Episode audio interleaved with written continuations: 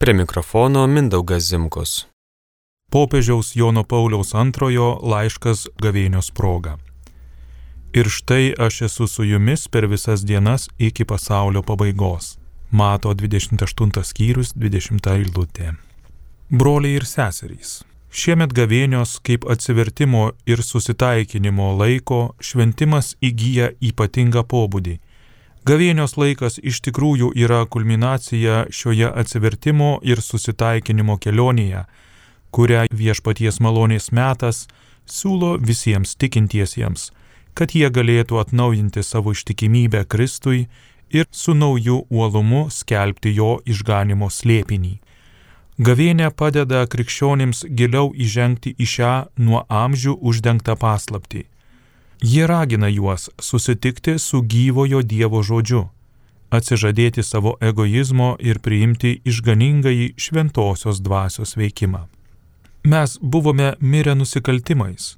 Šitaip šventasis Paulius aprašo žmogaus padėtį be Kristaus.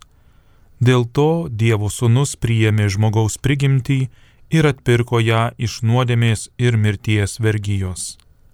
Žmogus diena iš dienos išgyvena šią vergyją kurios giliausias šaknis jis suvokia esant savo širdyje.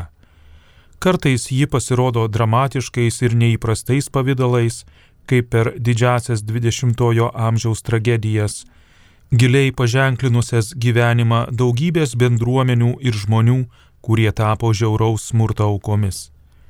Priverstinės deportacijos, sistemingas ištisų tautų naikinimas, žmogaus asmens pagrindinių teisių nepaisimas yra tos tragedijos, kurios dar ir šiandien žemina žmoniją. Kasdienėme gyvenime taip pat pasitaiko įvairių piknaudžiavimo valdžia, neapykantos, kitų naikinimo ir melo formų, kurių atžvilgių žmogus yra drauge auka ir jų autorius. Žmonėje paženklinta nuodėmės. Jos dramatiška padėtis primena mums grėsmingą tautų apaštalo įspėjimą.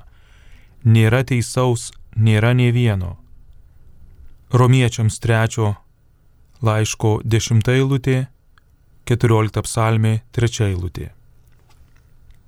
Susidūrus su nuodėmės tamsybė ir žmogaus negale savo jėgomis iš jos išsivaduoti, visus spindesiu pasirodo Kristaus išganimo darbas.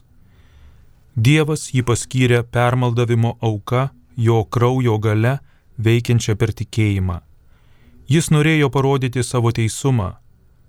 Romiečiams trečio laiško 25 skyrius. Kristus yra avinėlis, prisėmė savo pasaulio nuodėmę. Jis priėmė žmogišką į gyvenimą iki mirties, iki kryžiaus mirties. Filipiečiams antros skyriaus aštunta eilutė. Įdant atpirktų žmogų iš blogio vergystės ir gražintų jo kaip Dievo vaiko prigimtinį orumą. Toks yra Velykinis slėpinys, kuriame esame atgimę.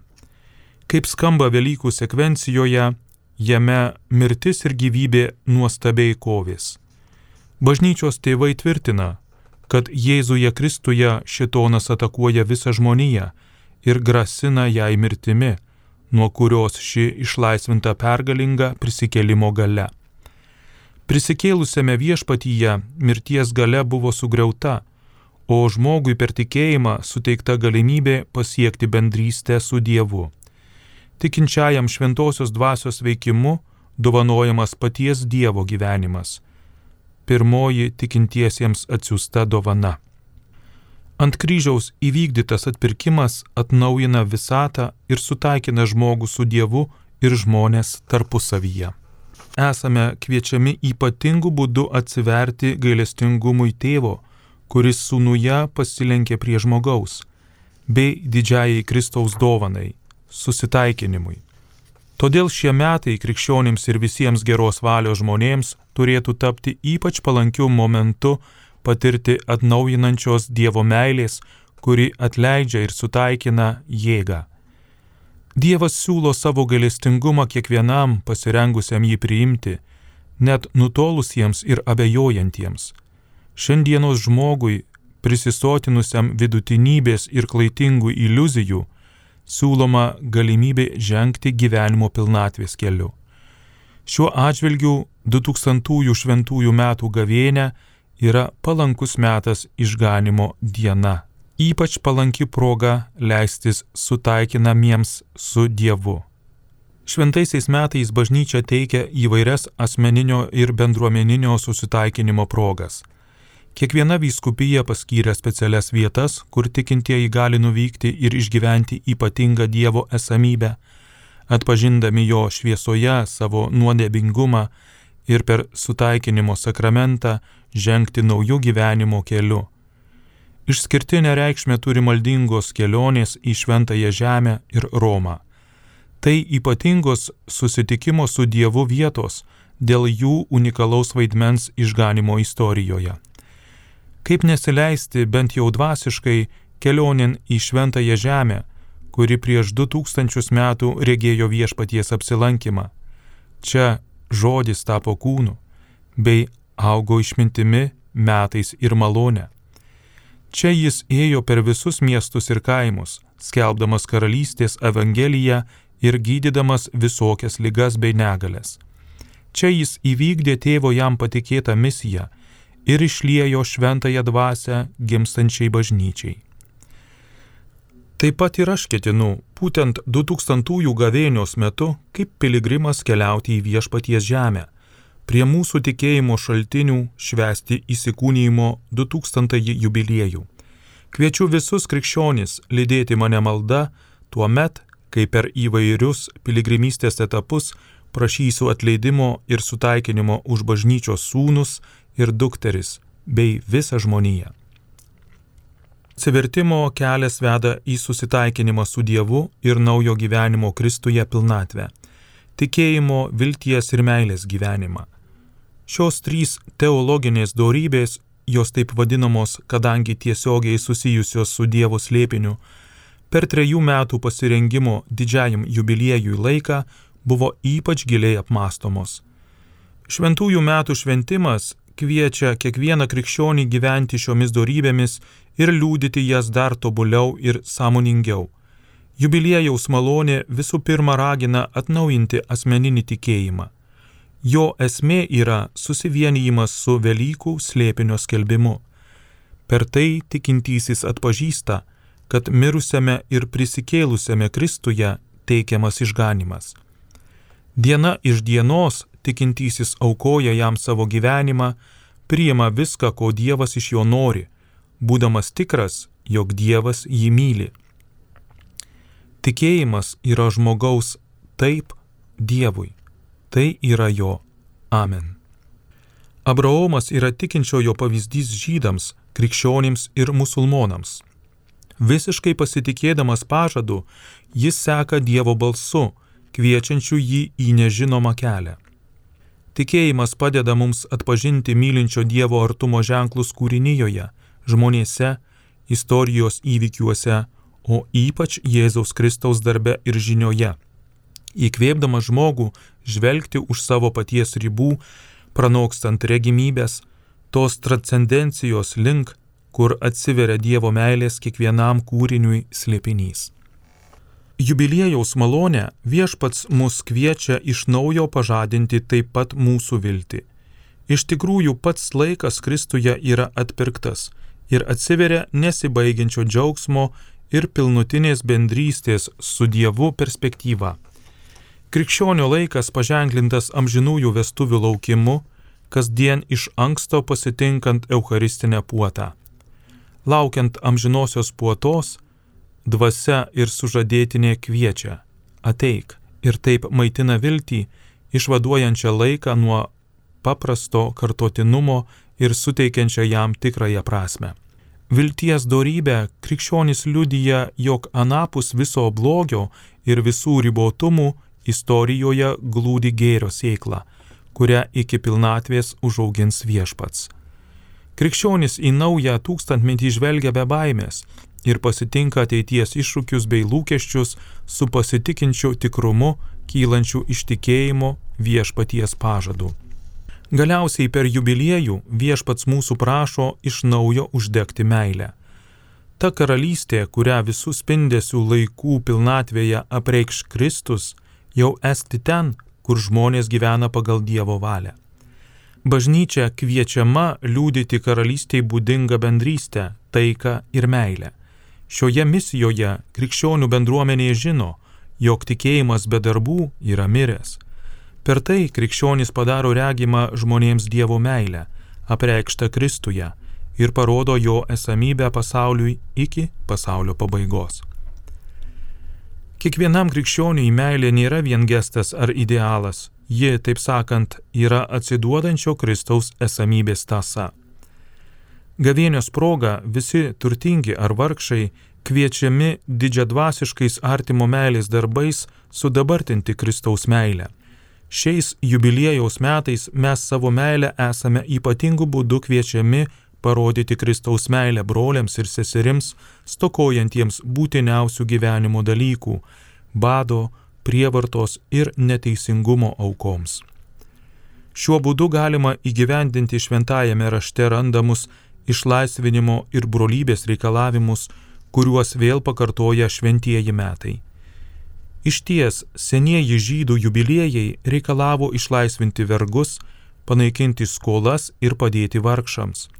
Šiandien daugybė žmonių, ypač vadinamosiose trečiojo pasaulio šalyse, kenčia dėl naujų vergystės ir dar tragiškesnių skurdo formų.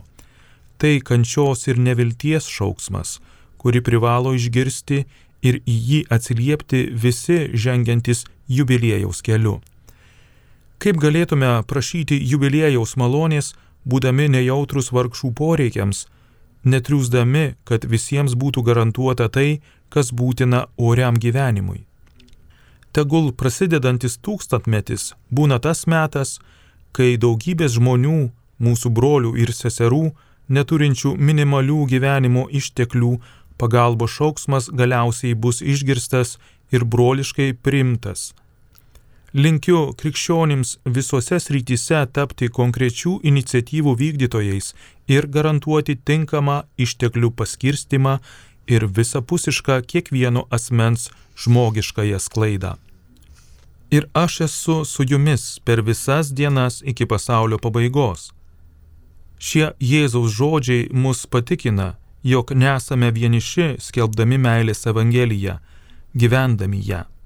2000 metų gavėnios metu Jėzus dar kartą kviečia mus atsigręžti į tėvą, kuris laukia mūsų išskėstomis rankomis idant perkeistų mus į gyvus ir veiksmingus savo gailestingos meilės ženklus. Marijai, visų kenčiančiųjų ir dieviško gailestingumo motinai, mes patikime savo siekius ir troškimus. Te būna jis spindinti mūsų kelionės trečiajame tūkstantmetyje žvaigždė. Su šiais troškimais meldžiu visiems Dievo palaiminimo. Dievo, kuris yra vienas ir triesmenis, visų dalykų pradžia ir pabaiga, ir į kurį iki pasaulio pabaigos kyla laiminimo ir šlovinimo Kristuje himnas. Per jį, su juo ir jame. Tau visa gali Dieve tėve, su šventaja dvasia, visa garbė ir šlovė per amžius. Amen. Ar Mesijas nekentė to, kad įžengtų į savo šlovę? Šie Jėzaus žodžiai, skirti dviems mokiniams vykstantiems į Emausą, skamba mūsų širdise šį vakarą, kai Koliziejaus kryžiaus kelio pabaigoje apmastėme Jėzaus kančią. Jie taip pat, kaip ir mes, girdėjo apie Jėzaus kančios ir nukryžiavimo įvykius. Kai mokiniai keliauja į savo kaimą, Kristus kreipiasi į juos kaip į nepažįstamus piligrimus ir nedėlstami pradeda jam sakyti – kas nutiko Jėzui Nazariečiui, kuris buvo galingas pranašas žodžiais ir darbais, skirtais Dievui ir visiems žmonėms. Ir jie su liūdėsiu užbaigė. Ir mes tikėjomės, kad jis turi išlaisvinti Izraelį. Taip ir galų gale šiandien yra trečioji diena, kai tai įvyko. Mes tikėjomės, mokiniai yra nusivylę ir nusiminę. Mums taip pat sunku suprasti, kodėl žmonių išgelbėjimo būdas turi būti per kančias ir mirtį. Antra. Ar Mesijas nekentėjo, kad įžengtų į jo šlovę? Mes užduodame tą patį klausimą koliziejuje, tradicinio kryžiaus kelio pabaigoje. Po akimirkos iš šios kraujo pašventintų pirmųjų kankinių vietos mes eisime skirtingomis kryptimis ir grįšime į savo namus, mąstydami apie tuos pačius įvykius, kuriuos aptarė mokiniai pakeliui į Emausą. Tegul Jėzus kreipiasi į kiekvieną iš mūsų, tegul jis taip pat tampa mūsų kelionės bendrakeleiviu. Kai jis vaikšto su mumis, jis mums paaiškins, kad būtent dėl mūsų jis įžengė į kalvarijas, nes už mus jis mirė ant kryžiaus, išpildydamas raštą. Skausmingas nukryžiavimo įvykis, kurį apsvarstėme, taps iškalbingu mums liudijimu.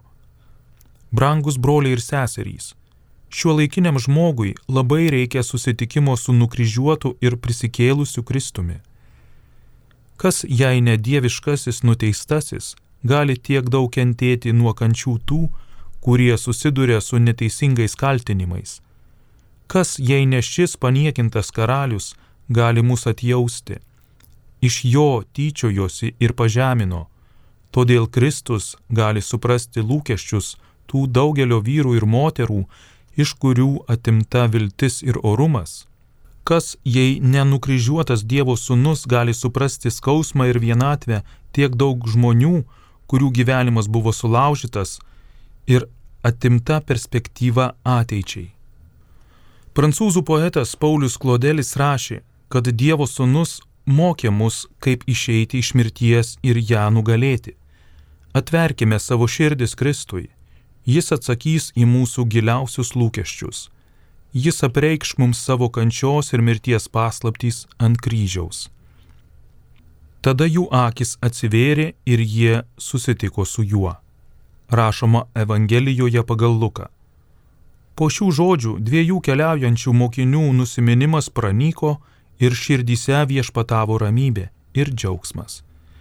Mokiniai atpažino savo mokytoją, kai jis laužė duoną. Tegul mūsų laikų žmonės Eucharistijos slepinyje, savo gelbėtojo akivaizdoje, susitinka Dievą. Tegul Kristaus mokiniai susitinka su viešpačiu ir gyvenimo kelionėje visada lieka kartu. Kristus galės jų klausytis ir sustiprinti.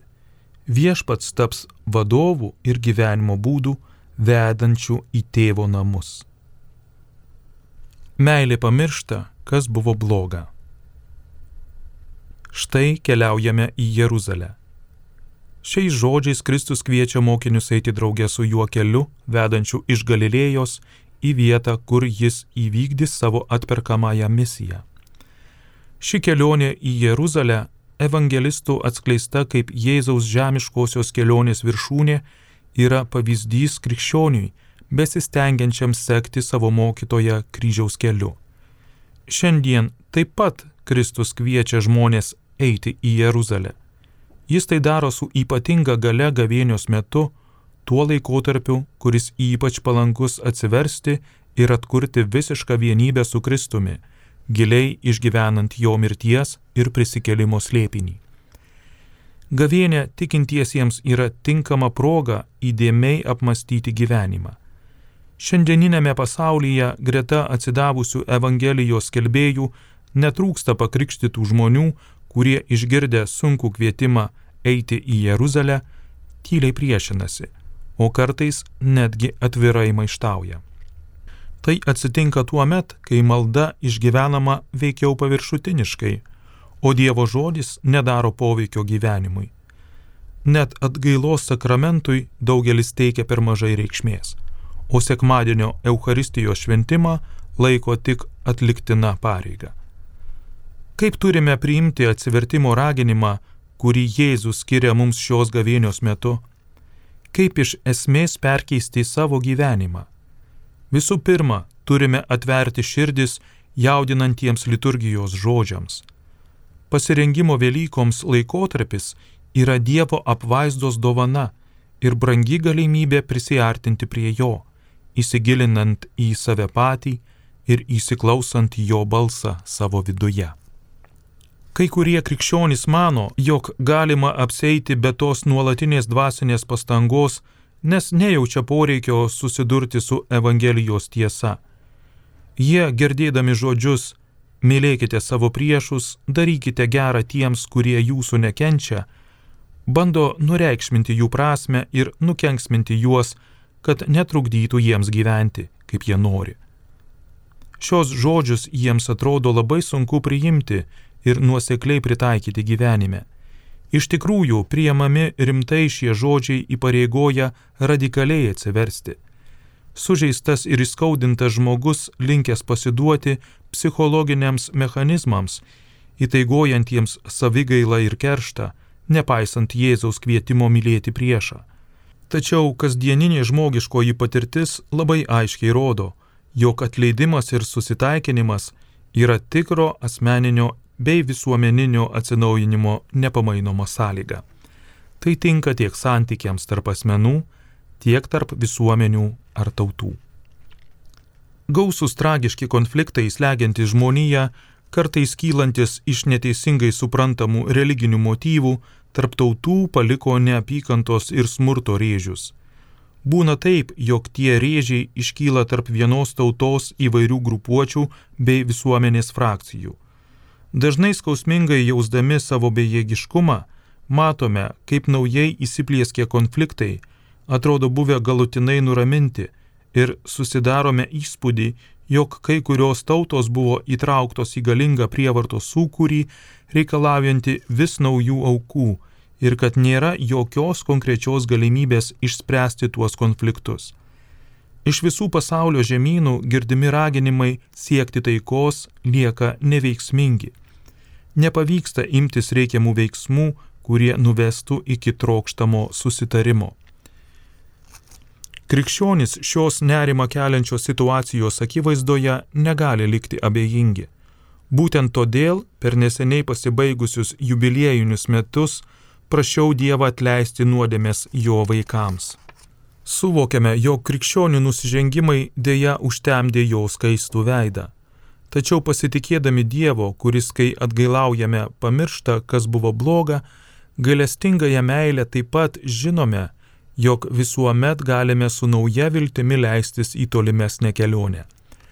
Dievo meilė įgyja aukščiausią išraišką būtent tuo met, kai nedėkingas ir nuodėmingas žmogus iš naujo gražinamas į pilnutinę bendrystę su Dievu. Atsižvelgiant į tai, atminties nusikaltimas yra visų pirma kvietimas tikėti Dievo gailestingumu. Tai yra išpažinimas, kurį bažnyčia įvairiais lygmenimis turi nuolat pripažinti savastimi ir įtikinamai atnaujinti. Vienintelis kelias į taiką yra atleidimas. Atleidimo prieimimas ir dovanojimas leidžia suteikti naują kokybę žmonių santykiams, nutraukia neapykantos ir keršto spiralę, nutrauko blogio grandines, kaustančias priešininkų širdis. Kraštams siekiantiems susitaikinimo ir visiems trokštantiems taikaus žmonių bei tautų sambuvio nėra kito kelio kaip atleidimas, priemamas ir dovanojamas. Koks išganingų pamokymų turtas glūdi Kristaus žodžiuose - mylėkite savo priešus ir melskite už savo persekėtojus, kad būtumėte savo dangiškojo tėvo vaikai. Jis juk leidžia savo saulėje tekėti blogiesiems ir geriesiems, siunčia lietų ant teisiųjų ir neteisiųjų. Meilė mus įskaudinusiems nuginkluoja priešininką ir gali netgi kovos lauką paversti solidaraus bendradarbiavimo vieta. Su šiuo iššūkiu susiduria konkretūs žmonės, taip pat visuomenė, tautos ir visa žmonija, ypač šeimos. Nelengva atsiversti į atleidimą ir susitaikinimą. Susitaikyti gali būti sunku net tuo met, kai konfliktas radosi dėl mūsų pačių kalties. Jeigu kaltas yra kitas, susitaikinimas gali būti suvokiamas kaip nepagrystas pažeminimas. Kad galima būtų žengti susitaikinimo žingsnį, pirmiausia būtina nueiti vidinio atsivertimo kelią. Reikia turėti drąsos nuolankiai paklusti Jėzaus įsakymui. Jo žodis nepalieka abejonių. Ne tik tas, kuris yra priešiškumo priežastis, bet ir tą priešiškumą patiriantis privalo siekti susitaikinimo. Krikščionis turi sudaryti taiką net ir tuo met, jeigu jaučiasi esantis auka, neteisingai įžeisti ir užgauti. Pats Kristus taip elgėsi. Jis laukia, kad mokinys seks jo pėdomis, taip prisidėdamas prie brolių atpirkimo. Mūsų epochoje atleidimas vis labiau pasirodo kaip nepamainomas tikro visuomeninio atsinaujinimo matmuo bei taikos įtvirtinimo pasaulyje sąlyga. Bažnyčia, skelbdama atleidimą ir priešų meilę, suvokia praturtinantį dvasinį visos žmonijos paveldą, naujų būdų ugdantį santykius su kitais. Šis naujas būdas yra nelengvas, tačiau viltingas. Bažnyčia taip pat suvokia, jog čia gali tikėtis savo viešpaties pagalbos, nes jis nieko met neapleidžia tų, kurie sunkumų akivaizdoje kreipiasi į jį. Penkta. Meilė pamiršta, kas buvo bloga. Šiais pirmojo laiško korintiečiams žodžiais apaštalas Paulius primena, jog atleidimas tai viena iš kilniausių meilės formų.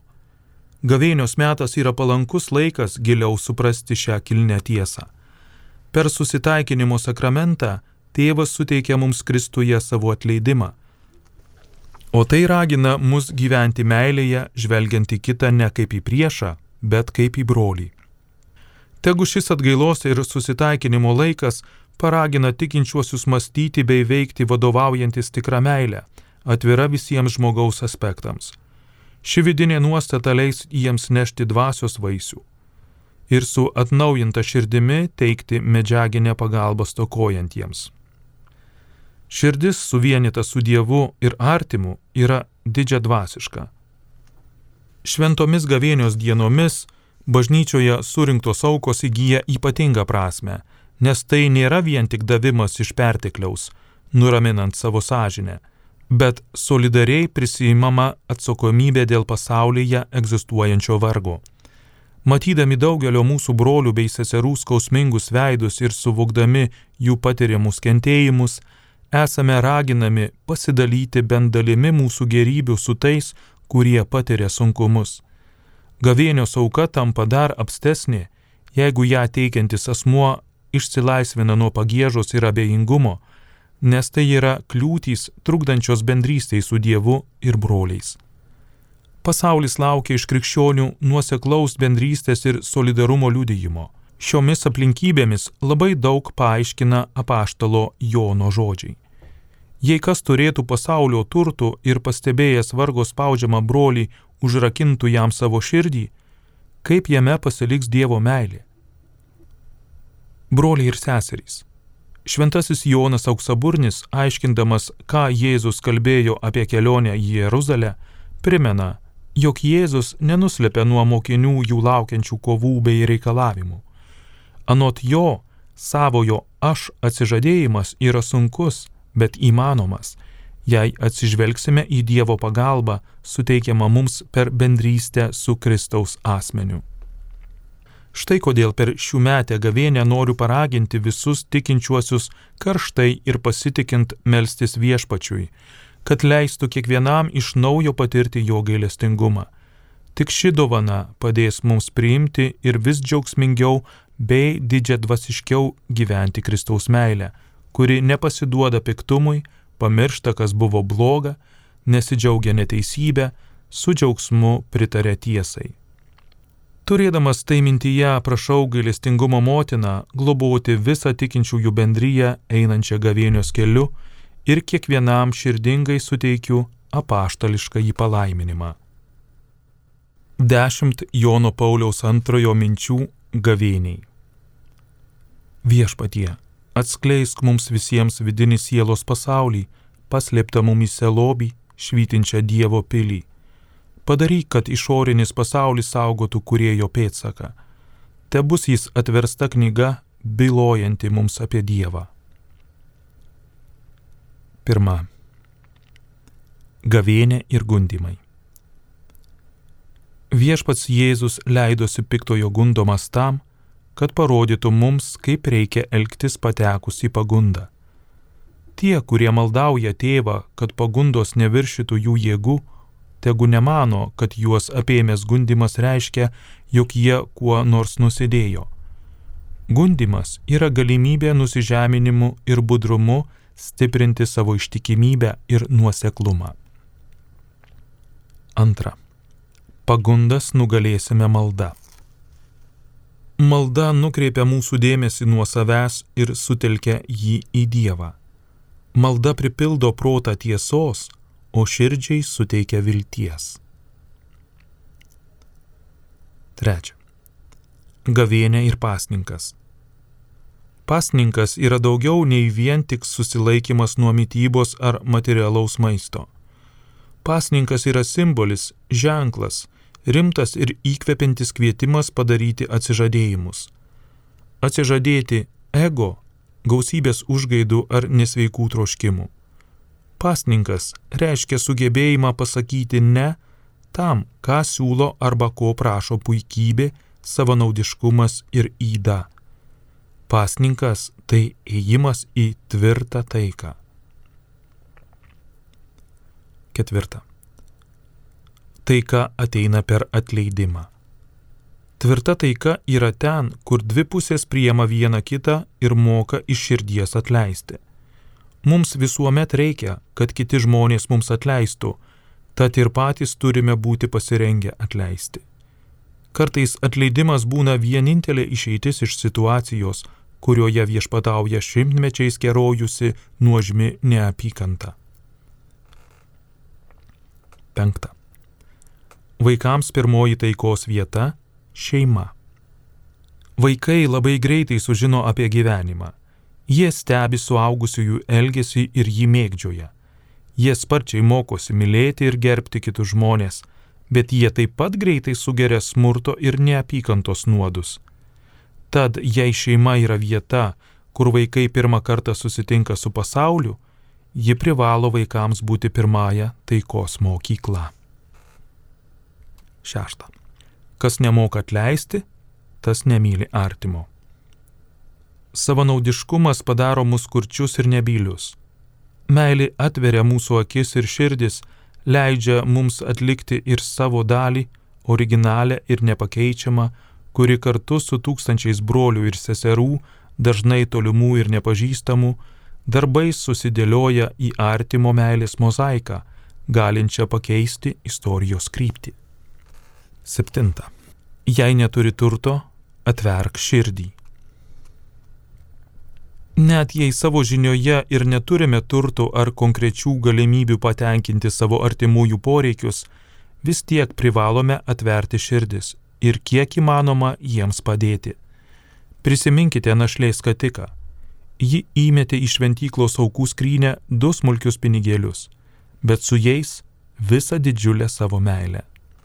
Neškime kryžių atlikdami mums skirtus darbus.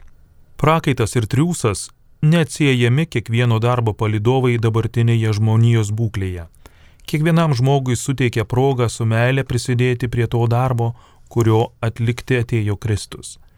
Mes patys savo parodome, jog esame tikri Kristaus mokiniai, kai kasdien nešame kryžių, atlikdami mums skirtus darbus. 9. Privalome atrasti jėgų būti jo mokiniais kasdieninė patirtis mums sako, kad gyvenimas yra paženklintas nuodėmės. Atraskime savyje vidinių jėgų skatinančių įveikti paviršutiniškumo ir nevilties pagundas. Tad ir esame kviečiami tapti mokiniais to, kuris be galo visą viršyje. Dešimta. Ieškokite Jėzaus. Tegul jūsų gyvenimas bus nuolatinis nuoširdus jo ieškojimas – Niekada nepavarkite ir neapleiskite šios užduoties net ir tada, kai jūsų dvasia apgaubs tamsta, kai užpuls pagundos, o širdį suspaus sielvartas. Tik negryžkite atgal, nors ir atrodytų, kad Kristaus šviesa blėsta. Ieškokite Jėzaus. Parengta pagal mintis iš Jono Pauliaus antrojo knygos Pamokymai gyvenimui. Skaitė Mindaugas Zimkus. Likite su Marijos radiju.